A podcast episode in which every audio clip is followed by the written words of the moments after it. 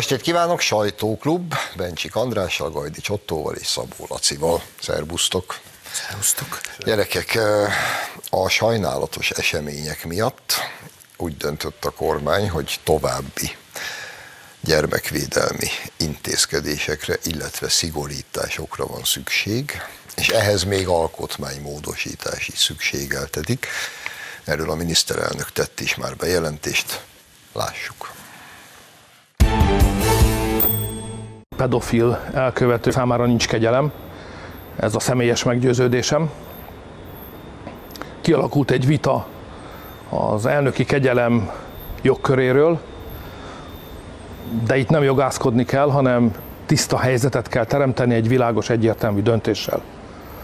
Nekem is van öt gyermekem és hat unokám. Ha valakik hozzányúlnának, akkor az első gondolatom, hogy félbe kell őket hasítani, vagy miszlikbe kell vágni. Ezért egyértelmű helyzetet kell teremteni. A kormány nevében benyújtottam egy alkotmánymódosítást, amely lehetetlenné teszi, hogy kiskorú gyermekek sérelmére elkövetett bűncselekmény esetén az elkövető kegyelmet kaphasson. Ideje rendezni ezt a kérdést. Azt gondolom, ez egy egyértelmű és világos beszéd. Ehhez nem is szükséges semmit, semmit hozzáfűzni, szerintem. Azért persze nyilván felmerülnek itt kérdések. Ugyanis ez a dolog mindazok ellenére, amit a miniszterelnök helyesen elmondott, és ezt a, ha úgy tetszik, kiskaput valóban valószínűleg az utolsó kiskaput be kell csukni. De ez innentől kezdve nem jogi kérdés, vagy nem csupán és nem elsősorban jogi kérdés ez az egész, hanem morális kérdés. És ha nekünk van miről beszélnünk, akkor ennek a dolognak a, a morális vetülete. És ennek talán az első köre az, hogy szerintetek van-e a jelenlegi magyarországi ellenzéknek a morális alapja mindarra, amit most művel. Ennek az ellenzéknek semmilyen erkölcsi alapja nincs. Én még annyit hadd tegyek ehhez az elképesztően szomorú ügyhöz hozzá, hogy pofára estek, és megérdemelték, amit kaptak, mert a miniszterelnök hihetetlen keménységgel azt mondta, hogy jó, akkor minden kis kaput bezárunk a pedofil bűncselekmények elkövetői és azokkal közreműködők előtt. Visszaemlékszem még a gyermekvédelmi törvény körüli vitákra, hogy így káros a demokráciára, úgy borítja össze a jogállamot. Följelentés született belőle, nemzetközi bíróság tárgyalja, több uniós ország becsatlakozik, amelynek baloldali, liberális, globalista, nemzetellenes idiótákból áll a kormánya, és e, most jönnek ezek, és bennünket oktatnak morálból. Nem beszélve arról, hogy azt meg kikérem magamnak, hogy feketeöves dékás ateisták írkáljanak levelet a pápának a mi nevünkben. Szóval elmegy a baloldal oda, ahova én gondolom, de még egy dolgot azért jegyezzünk meg, hogy Novák Katalin bármekkora hibát vétett, nem pedofil. A kegyelem adója ugyanis soha nem azonosul sem a kegyelemben részesülővel, sem annak bűneivel. Úgyhogy le lehet szállni erről az írtózatos magaslóról, ahol Novák Katalin szoknyája széléig föl nem érő, percemberkék nímandok, most beállítják őt, mint valami anyaszomorító gyilkos. Hagyjuk már ezt. Laci? Helyesebben az ügyben nagyon megfontoltan fogalmaznunk. A miniszterelnök által bejelentett döntés és az is fontos, hogy maga a miniszterelnök jegyzi az alkotmánymódosítási javaslatot, a leges, legmagasabb politikai szintre emelve ezzel ezt az ügyet nagyon helyesen. A miniszterelnök döntésének a határozottsága és a keménysége mellett szerintem van még egy fontos attribútuma, attribútuma hogy gyorsan megtette ezt a lépést. Nem volt szabad ebben az ügyben ö, habozni, kivárni, mérlegelni, hanem nagyon gyorsan, nagyon és nagyon határozottan kell lépni. Ez szerintem ez is emeli egyébként Orbán Viktor olyan politikai ö, talentummá, vagy ö, ö, államférfivé, amilyen, amilyen egyébként is. De az ügy az azért is nagyon fontos ügy, és ezért is kell benne szerintem nagyon körültekintően fogalmazni, mert a mi politikai közösségünknek egy fundamentumáról van szó. Az értékválasztásában egy fundamentumáról van szó. Ráadásul egy olyan fundamentumáról, amely fundamentumban egyébként, mert vannak olyanok is, amiben nem mindenki feltétlenül ért egyet ebben a hazában, de ebben a fundamentumban mindenki egyetért ebben a hazában. És ez helyes, és ennek így kell maradnia, mert ez is teszi többek között, többek között a mi politikai közösségünket azzá, hogy kormányozni, sikeresen kormányozni tudja ezt az országot, és ebben a fundamentumban nem lehet megengedni, hogy ezt a fundamentumot sérülés érje. És még egy dolog szerintem, ami fontos, ami fontos, Novák Katalin egy tisztességes, rendes ember. És a mi politikai közösségünknek még akkor is nem ismerjük minden részletét ennek az ügynek, és talán talán jobb is, hogy nem ismerjük minden részletét, de kötelességünk Novák Katalin tisztessége, és a, ezért a politikai közösségért végzett munkája mellett kiállunk. Szabad szót kérem. De az elnök asszony védelmében én is, mert az emberi méltóságot továbbra is tisztelni kell majd ő eldönti, az elnök asszony, hogy mindebből milyen konzekvenciát von le, de el szeretném mondani, ezt, ezt a döntést nem most hozta, tehát ez a kegyelmi végzés, ez korábban történt, most, most robban ki a nyilvánosságban. Tavaly az, nyári. Az tavaly nyáron. Az, ahogy most pattognak ki az általa fölkért civil tanácsadók a tanácsadói testületből, az az emberi gyávasságnak és a gyöngességnek az iskola példája, ugyanis ennyire gyorsan, jáván nem kéne szétszaladni, még nem lőnek Novák Katalira. Tehát én is azt mondom, hogy bár mi nem vagyunk az ő tanácsadó testületének a tagjai, de azért mondjuk el, hogy ez egy nagyszerű ember, úgy látható, hogy hibát követett el, de ettől emberi minőségében őt továbbra is tisztelnünk kell. Miután mindent elmondtatok, amit magam is gondoltam, ezért nem, nem folytatom mert nincs mit mondanom ezeken kívül, ami elhangzott, úgyhogy ugorjunk is. Tucker Carlson interjút készített Vladimir Putyinnal. Mielőtt bármit is mondanék, meg mondanánk a dologról, nézzünk meg az interjúból is egy rövid részletet.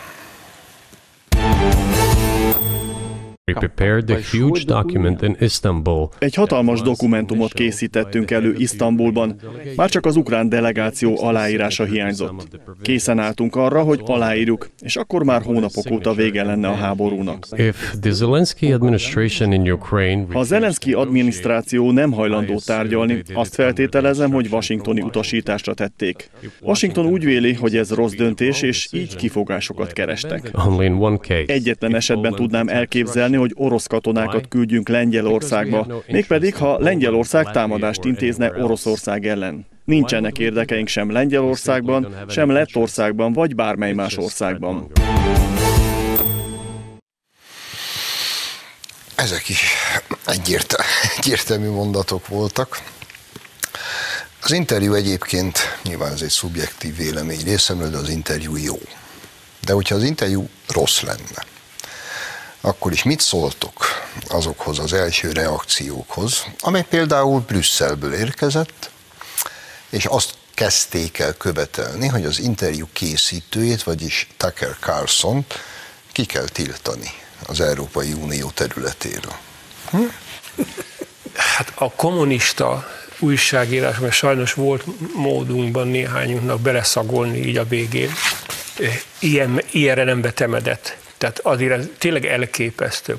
Szóval az a, az a, a vérlázító, a kenyet, kegyetles, könyörtelen prés, amelyik a, a szabad szólás kordában tartja, egyébként Putyin szavai szerint az egész világon, és ezt sajnos jól látja, kivéve Magyarországot, tegyük gyorsan hozzá, hogy ez a prés, az ami hihetetlen, viszont hisztériát robbantott ki azért, mert a világ második legjelentősebb hatalmának vezetője elmondta a véleményét egy őt kérdező riportnak. Mi is ebben a rossz? Miért is olyan nagy baj, hogyha megismerjük Oroszország első emberének véleményét? Mindenki elmondta, hogy miért nem mondhatná el ő is. Egyéb iránt azt hiszem a Fox News, amely kirúgta Tucker carlson jó nagyot rugott saját ülepébe, mert a ami, ahogy itt beszélgetünk, már 82 millió túl van az X-en a, a, a videó megtekintése, és nagy valószínűséggel túl fogja lépni a 100 milliót is, tehát egy baromian nézett műsorról mondott le a Fox News, de hát ez legyen az ő problémájuk. Azt kell mondjam, hogy itt kezdődik a szólásszabadság, hogy előáll egy ember, aki egy fontos ember, mert egy fontos birodalom első embere, és elmondja, hogy ő hogyan látja a dolgokat. A riporter kérdéseket tesz fel, ő pedig válaszol. Mi ezt megnézzük, nekünk is van véleményünk a világról, és mindebből leszűrünk külön-különféle tanulságokat. Itt kezdődik a demokrácia és, és a szólásszabadság, és itt is ér véget. Ha ezt korlátozzák, ha ezt akadályozzák, akkor se demokráciáról, se szólásszabadságról nem lehet beszélni. Van egy elvontabb, filozofikusabb meglátásom, hogyha az Európai Unióban liberális demokrácia van, akkor a liberális ugyanolyan fosztóképző, mint annó 90 előtt a szocialista vagy a népi demokrácia volt, a, ott, ahol mi most élünk. Ha pedig az fosztóképző, akkor az azt jelenti, hogy az Európai Unióban mocskos, undorító diktatúra van. Oly mértékben, hogy ha valaki nem pusztán csak úgy mást gondolna, mint ahogy azt megszabták, hanem még ráadásul azt a mást nyilvánosságra is meri hozni, akkor azt azonnal ki kell nyírni, el kell tüntetni, meg kell szüntetni, föl kell számolni. Szóval nagyon jó, hogyha Európa polgárai odafigyelnek ezekre a, a dolgokra, mert borzasztó következményei lesznek, hogyha nem fékezzük meg az imént idiótáknak tituláltam őket, de nem sokkal rosszabb, ezek rohadt gonoszak. Ezek tudják, hogy addig nem lesz béke Ukrajnában, amíg nem veszik figyelembe Putyin szempontjait is. Csak úgy lehet megegyezni bármiféle békéről, ha az egyik fél is elmondja, hogy hogy látja a másik is, és bármilyen távol van a két álláspont egymástól eleinte, megpróbálják azt közelíteni, és kitalálnak valami olyat, amit mindkét fél elfogad. És ezt egyébként egy demokratikus folyamatnak tartottuk idáig, Természetesen ez teljes mértékben ellentétben van a liberális demokrácia felfogásával. Ott megmondja Brüsszel, megmondja Washington, megmondja valaki, hogy mi a tuti, és aki mást merészel csak gondolni, annak vége. Azért régóta tudjuk, hogy vannak olyanok, akiknek a szólásszabadság az csak addig van rendben, amíg az őket illeti meg. Onnantól kezdve, hogy ez másokat is megillet, onnantól kezdve ez egy kritizálandó, kritizálandó dolog. És azért én azt képzelem, hogy a, ennek az interjúnak a létrejötte azért az a Putyin számára is tartalmazott kockázatokat. Azért itt most nem is tudom, két órán keresztül beszélget, azért két óra alatt ott azért ő, ő is mondhat adott esetben olyat, belecsúszhat olyan dologba, Carson azért nem egy kesztyűs kézzel kikérdező ember, bár próbálják ezt róla elhitetni, hogy ez így van, szó sincsen erről, keményen belekérdez a kérdésekbe, hát minden, minden, vagy ők meg ilyen belekérdez az ügyekben, minden, minden kritikus ügy szóba kerül a beszélgetésben. Szóval ez a Putyin számára is tartogatott kockázatokat ezeket, ez a beszélgetés, és szerintem helyes valóban, ahogy te mondod, hogy megismerjük az ő álláspontját. Nekünk magyaroknak nem kell a Putyin álláspontjával egyetérteni, az ukránok álláspontjával se kell egyetérteni. Nekünk a magunk érdekeit kell képviselni, és a magunk érdeke az mégiscsak az az ukrán-rossz konfliktusban, hogy minél hamarabb legyen már ott valami béke, azt nyugodjanak meg legalább olyan tekintetben, hogy ne öljék egymást. Aztán, hogy utána majd hova jutnak, az egy, az egy másik kérdés lesz. Hogy ez a beszélgetés vezete a béke felé, arra határozottan nekem az a válaszom, hogy igen. Mert végre ezt az embert is meghallgatjuk, talán megértünk valamit abból, amit ő gondol, ahogy ő látja a világot, és hát ha ez mindazokat, leginkább az amerikaiakat, akik tudnak tenni a béke érdekében, az egy kicsit közelebb viszi ahhoz, hogy, hogy a megállapodás, a béke megállapodás megszülessen. Igen, bele is kapaszkodok, amit mondasz, meg hát persze abba is, ami eddig elhangzott, hogy igen, tehát az ország, ország a világ második nagyhatalmáról beszélünk. Teljesen nyilvánvaló, hogy mondjuk a legforróbb ügyben, a háború ügyében Oroszországnak és Putyinnak is megvan a maga narratívája. Hát hogy az ördögben ne lenne meg. Hát ki tilthatja meg, hogy elmondja az ország első embere, hogy mi az ő narratívája, például az ukrán háborúval kapcsolatban. És hogy egyébként a narratívák közelítésén kívül még hogy a fenébe lehetne eljutni végre odáig, hogy itt bármiféle béke, vagy legalább fegyverszünet legyen. És akkor erre jön az az európai demokratikus és jogállami válasz, hogy ki kell tiltani Carlsont az unió területéről. Sőt, ez az idióta gazember, ez a Ferhofstadt, meg ilyeneket mond, hogy így szokott meghalni a demokrácia. Ezt mondta már, hogy Putyinnal interjút készítenek. És akkor ehhez, bocsáss meg, és akkor ezt hozzáveszed, hogy csak az elmúlt egy hét, tíz napban angol tábornok, német vezérkari főnök, román tábornok, csörgeti a kardot, és ilyeneket nyilatkoznak, hogy készülnek az Oroszország elleni háborúra, lengyel tábornok, és ülsz, és, és 1914 nyarán érzed magad. És jön valaki, aki végre készít egy interjút a, az egyik érintett féllel, és akkor kitör a parasztgyalázat, hogy őt tiltsuk ki. A... Hát megköszönte, hogy ő nem fog Lengyelországgal háborúzni, csak a Lengyelország megtámadja. Hát micsoda dezinformáció. Mondj, bocs, Laci, mondj. Én csak egy dolgot akartam még mondani, hogy, hogy nem tudom, figyeltétek-e a Putyin jelenlétét az interjúban. A arc, az arcát, a gesztusait, a dinamizmusát, hogy erről a pasasról terjesztik két éve, hogy holnap Mindjárt meghal, meghal jövő héten meghal, két hónap múlva már nincsen, Ez hogy ilyen...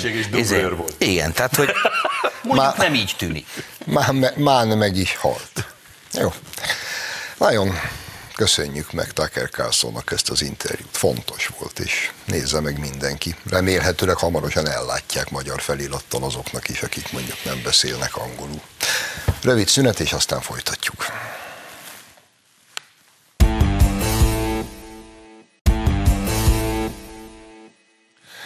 Folytatódik a sajtóklub Bencsikkel, Gajdicsal, Szabóval, és folytatódik egy levél részlettel.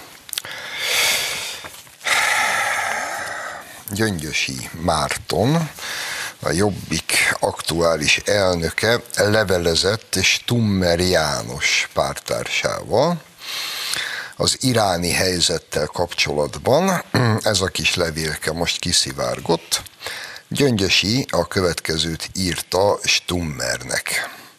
Orbán provokációnak is beillő megjegyzését nem akartam közvetlenül kommentelni, inkább indirekt módon az USA lépésének kritikáján és elítélésén keresztül. Legszívesebben azt írtam volna, hogy Orbán egy cionista bérenc, a Lubovicsi szekta fogja, de ebből biztos, hogy nem lehet jól kijönni.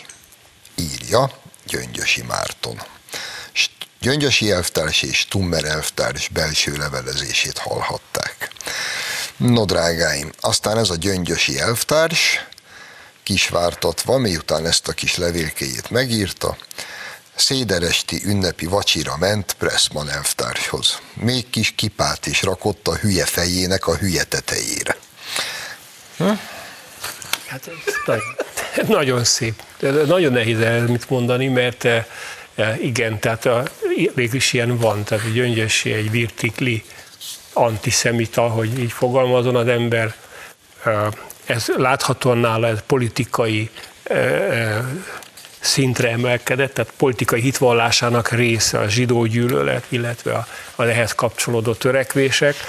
Az ember ilyenkor eltűnődik, hogy a amerikai nagykövet például, amerikai nagykövet elme állapotával kapcsolatban kételjek, aggályok merülnek fel, hogy tán csak nem fertőzte meg elnökének sajátos elme állapot béli helyzete, hogy most már a nagykövet úr sem sincs tisztában dolgokkal, mert azért legyünk őszinték, hogy egy amerikai nagykövettől elvárható az a minimális terepismeret, hogy egy olyan embert, aki deklaráltan és visszatérőleg és konzekvensen zsidó azt nem hívok meg egy zsidó egyházi ünnepen egy ilyen zsidó vacsora, egy széderesti vacsorára, mert ez, ez valahogy nem, nem teljesen frankó. Tehát ez az erővel meghívhatott volna néhány hagyományőrző nácit is, hogy akkor még nyitottabb is. Az ő nagy szívébe még ők is félrek bele. Elég Gyöngyösi úrról ki Adolf Hitler egy hanukán, igen. Igen.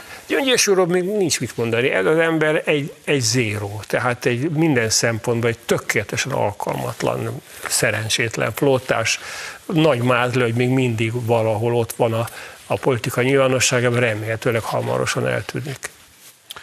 Gyöngyösi és az általa vezetett Jobbik annak a politikai bagázsnak a része, amelyik évtizedek óta rendszeresen vádolja a nemzeti oldalt homofóbiával, a idegenek gyűlöletével, a kisebbségek üldözésével, rasszizmussal, nácizmussal és antiszemitizmussal is természetesen ebből az aspektusból roppant érdekes, hogy ahányszor csak megkapargatod Gyöngyösi Márton múltját, megnyilvánulásainak archívumát, rendre kerülnek elő belőle rasszista, idegengyűlölő, mindenféle fób és antiszemita megnyilvánulások.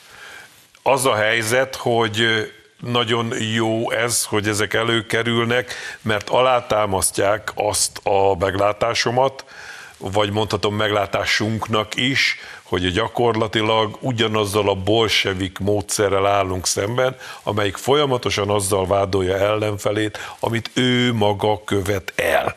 És ebből fakadóan Gyöngyösi nincs egyedül.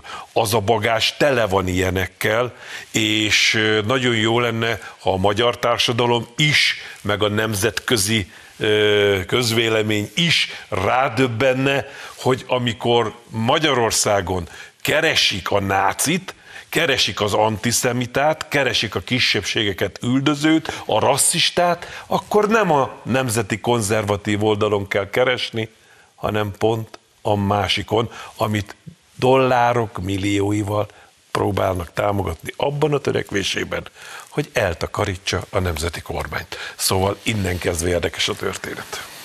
Erről a levélről a a neurológus kalapácsa jut az eszembe, tudjátok, aki ugye ráüt a térdre, és akár akarod, akár nem, ki, neked kilendül a térde. Patel. Szóval ha kell, ha nem. Vagy amikor a, ugye leveri a balkezes a pohar, vagy hogy is leveri a balkezes a poharat, akkor nem jobbal kap utána, mert az az ösztönös, hogy ő ballal kapjon, kapjon utána, vagy persze fordítva is.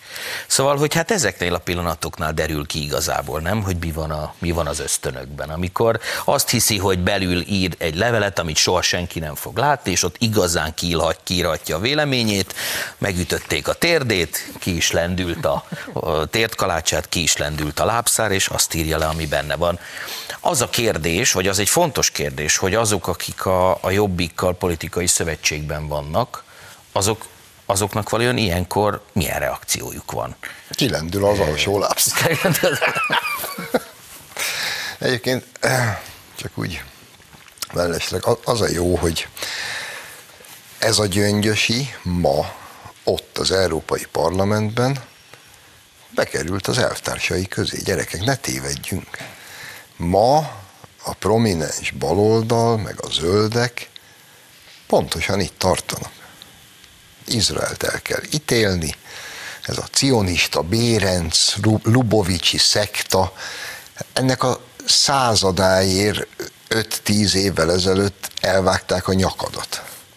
Ma az Egyesült Államok utcáin üvöltözik gyakorlatilag ugyanezeket meg szerte Európában, az utcákon, meg vernek zsidókat. meg egyetemi kampuszokon támadnak meg zsidó diákokat, és egyetemi kampuszokon ordítozzák, hogy Izraelt meg kell szüntetni. Gyöngyösi otthon van. Csak ki hitte volna, hogy a gyöngyösi fog hazatérni apukám. Ez benne a nagy trüváj. No, to- ugorjunk tovább. Pressman elvtárs ellátogatott a Magyarország gyűlésbe a rendkívüli ülésnapra, amikor is a téma Svédország NATO tagságának a ratifikációja volt, lett volna, csak a Fidesz nem ment el. Imigyen az ülés határozatképtelen volt, de Pressman elvtárs, a helytartó megjelent, hogy az ős lepjének jelezze, hogy itt van és figyel. Vagy rosszul látom? Jó, hát én, én sokat gondolkodtam ezen, hogy miért csinálta. Tudnia kellett, hogy ez nem lesz egy, egy eredményes gyűlés. És oda lukadtam ki, hogy igazából ez nem is annyira nekünk szólt, hanem Európának és a világnak, hogy akármi van, Amerika, Svédország, NATO csatlakozását hangsúlyozottan fontosnak tartja. Tehát tisztában volt a Pressman, hogy hülyét csinál magából, mert a Magyarországgyűlésnek a mértékadó része nem lesz ott. De kellett, hogy innen is üzenje, hogy igen, Svédország is a miénk, és mi mindent megteszünk, hogy Svédországot bekebelezzük a NATO-ba.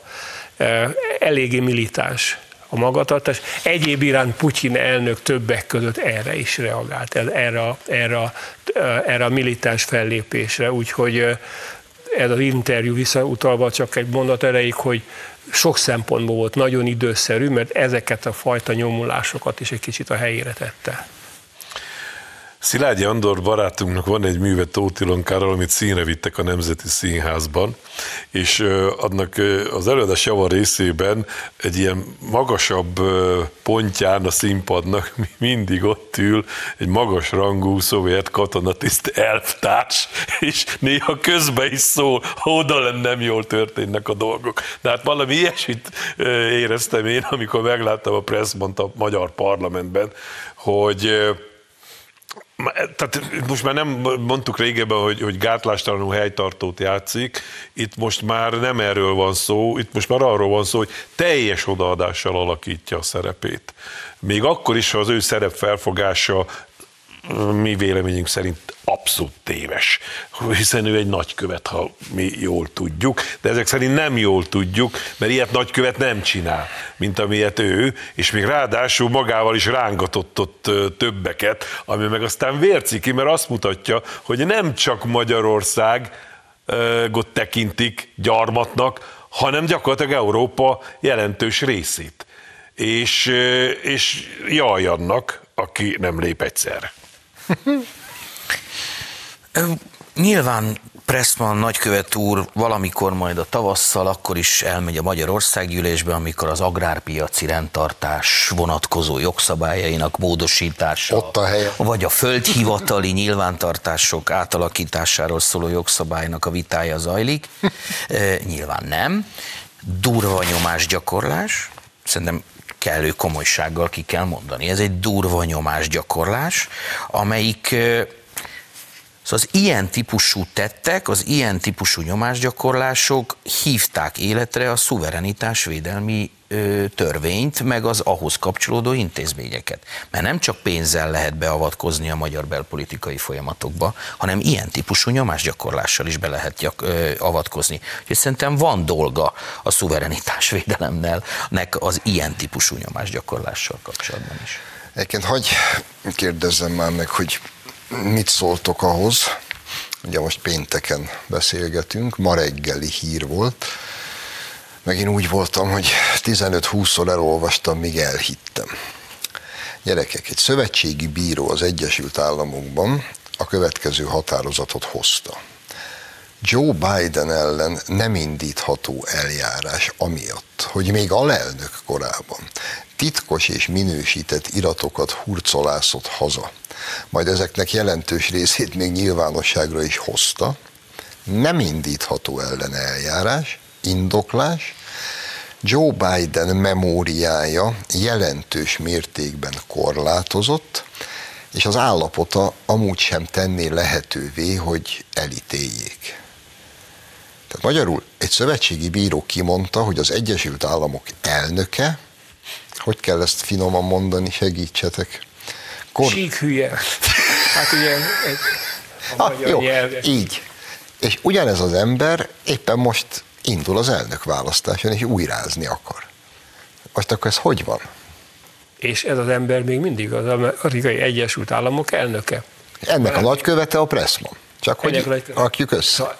Igen, jó kérdés. Tehát ehhez képest Leonid Ilyich Brezsnyev az egy, az egy professzor volt maga szintjén. Te, te ezt érted? Az a, az a baj, hogy hogy azt hisszük, hogy ennek nagykövete a Pressman. Nem. Nem. A Pressman azoknak a nagykövete, akik ezt a szenilis vénembert ott tartják, mert így a háttérben azt csinálnak, amit akarnak. Arra használják föl az amerikai kormányzatot, az amerikai népet, az amerikai gazdagságot, amire akarják. És ez a nagyon-nagyon szomorú. És nagyon jó lenne, hogyha még több hangfelvétel és mi egyéb jönne napvilágra annak érdekében, hogy a hitetlenek, a, a szkeptikusok is rájöjjenek végre, hogy nem mi szőjük az összeesküvés elméleteket a nem létező háttérhatalomról, vagy a magánpénz birodalom mesterkedéseiről, hanem végre mindenki tisztán és világosan látná, hogy Joe Biden réges-régen nem az amerikai Egyesült Államok elnöke, csak egy koszlott báb, amit ide-oda rángatnak, néha elesik, néha elvesztik a kertben, néha nem létező figurákkal fog kezet. A döntések ott a háta mögött születnek azok között, akik nem mutatják a saját arcukat. És jól látszik, hová vezet ez a világban, hogy ahogy fogalmaztál az elején, másodpercekre vagyunk egy újabb világháború kitörésétől. Emiatt. De örüljünk annak, hogy az amerikai igazságszolgáltatás rendszerében van egy bíró, aki azt mondja az amerikai Egyesült Államok elnökéről, amit amikor bekapcsolja a tévét, azt lát. Nem, meg amit el meghallgatja, nem tudom én, a beszédét, és hall, és azt mondja, hogy hát én ezt látom róla, akkor ezt el is mondom, le is írom egy bírósági határozatba, ez is, ez is valami. Igen, nincs ezzel baj, csak most én próbálom beleképzelni magam egy megrögzött, hosszú generációkra visszamenőlegesen megrögzött demokrata párti, demokrata szavazó család vagy ember helyébe. Akivel éppen most közölték, hogy az az ember, akire most szavaznia kell novemberben, az egy szenilis hülye. Erről most már papírja van, hogy te ülsz otthon. Ilyenkor mi van? Most tényleg mert Trumpra meg a republikánusokra nem szavazol, mert, az ők nagypapa is demokrata volt. És elballagok és szavazok egy szenilis hülyére? Egy beszámíthatatlanra? Azért ez, ez na, szar lehet. Hogy, hogy összefoglaljam a dolog rezüméjét. Gyerekek, eh, első fokon ítélet született Fenyő János meggyilkolásának ügyében. Kukkantsunk is bele, hogy első fokon mit mondott ki a bíró. Gyárfás Tamás elsőrendű vádolt bűnös, bűnsegédként elkövetett emberülés büntettében. Portik Tamás másodrendű vádolt bűnös, felbújtóként elkövetett emberülés büntettében. Ezért Gyárfás Tamás elsőrendű vádottat 7 év szabadságvesztésre és 10 év köziektől eltiltása, Portik Tamás másodrendű vádlottat életfolytig tartó szabadságvesztésre és 10 év köziektől eltiltása ítéli.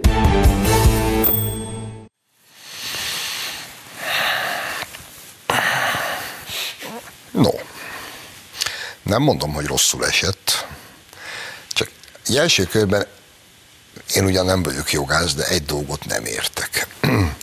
Akit egy életellenes bűncselekmény miatt első fokon 7 év szabadságvesztésre, ráadásul fegyház fokozatban letöltendő szabadságvesztésre ítélnek, az hogy mehet haza saját lábán a bíróságról? Ezt értitek? Mert én nem. Én azt sem értem, hogy hogy tudott ez 26 éve tartani ez a per, és ki tudja, hogy még meddig fog tartani. Mert hogy ez 26 évvel ezelőtt volt.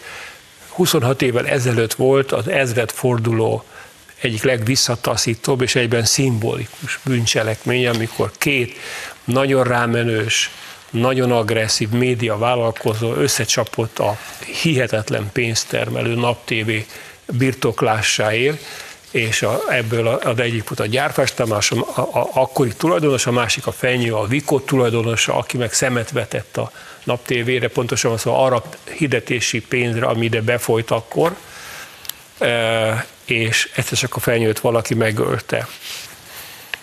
Én e, nem, nem láttam ezt a gigantikus feliratot, egyet tudok mondani, a fenyőt megölték, tényszerűen a, a gyilkosság jelentős mértékben befolyásolta ez a tény, hogy folyt egy harc a pénztermelő taptévéért. Én, én, ahogy te nem érted az, hogy hogyan mehetett haza az az ember, akit 7 év fegyházra ítélnek, én meg ezt nem értem, hogy hogy tudott, hogy lehetett ezt 26 évig elhúzni, és vajon még meddig húzzák el. Pedig jó lenne, ha véget érne, mert e, e, sok olyan bűncselekmény volt ezekben az években, amik, amik e, amik valahogy nem derítettek fel, nem, nem igazán születtek megfelelő büntetések. Hirtelenében a postabank tönkretétele jutott még az eszembe. Örülnék, hogyha a fenyőgyilkosság történetnek a végén tényleges és jogerős ítélet születne. És most már csak azt kell hozzátenni, hogy ha mi nem értjük, hogyan érthetnék mindazok, akik akkor születtek, és már 26 évesek, meg akik azután születtek. És ebben ez a borzasztó, hogy szépen lassan magunk mögött hagyjuk a rendszerváltozás utáni évtizedeket, amelyekről nincs világos képünk, nincs igazi tudásunk, nincs föltárva semmi, és a társadalom jelentős része ebből fakadóan gangsterváltásnak, meg nem tudom milyen humoros kifejezésekkel illeti azt a tényt, hogy ő szerintük nem történt itt semmi. Na ez a legnagyobb probléma ezekkel az ügyekkel. Pontosan erről van szó. Ez a legnagyobb probléma. Mert azért Fenyő János nyilván senki nem érdemel halált, de azért mondjuk Fenyő János se volt egy hablelkű szereplője a magyar közéletnek, de azt nyilván senki nem érdemli meg, és különösen nem meg az ország nem érdemli meg, hogy bárkit is nyílt utcán géppisztolyjal sorozzanak le. Nyilván ezzel egyébként minden éppen arra járókelőt is életveszélybe sodorva. De tényleg ez a legszörnyűbb része, hogy, hogy, hogy az maradhat rajtunk, ha ez az ügy nem zárul le megnyugtatóan jogerős ítélettel, hogy itt, hogy itt büntetlenül maradhatnak olyan ügyek, amik, amik tényleg egy, egy szörnyű foltot festettek a, a magyar rendszerváltoztatásnak. Az egyébként nagyon fontos és emelkedett pillanatára, hogy ilyen figurák, akik itt most a vádlottak padján ülnek, meg akik az áldozatai voltak, meg még volt még sok, jó néhány ilyen, ezeknek a pontos szerepét és a pontos büntetteit azt esetleg nem tudjuk meg. Jó lenne, ha ez tényleg jogerősen lezárulna, és mindenki elnyerni a méltó büntetését, ami jár neki. Ami nem, azt nem, de ami jár neki, azt igen. Igen, hát akkor mondom a végszót így Otto kapcsán. Ugye gangsterváltás és társ, nem történt itt semmi. A Tanú című film egyik ikonikus jelenete jut eszembe, amikor is Pelikán elvtársat, akit halálra ítélnek, másnap kiengednek a börtönből, és a börtönőr csak ennyit mond. Gombócot is megette, bort is megitta, föl se akasztják, egy brancs maguk. Igen, ez a, ez a rövid rezüméje Gyárfás Tamáséknak, meg, meg ennek az egésznek. De hát, hát ha másodfokon születik valami megnyugtató ítélet végre. Köszönöm, hogy itt voltatok önöknek, köszönjük a megtisztelő figyelmet. Jövő héten várjuk önöket, addig is minden jót.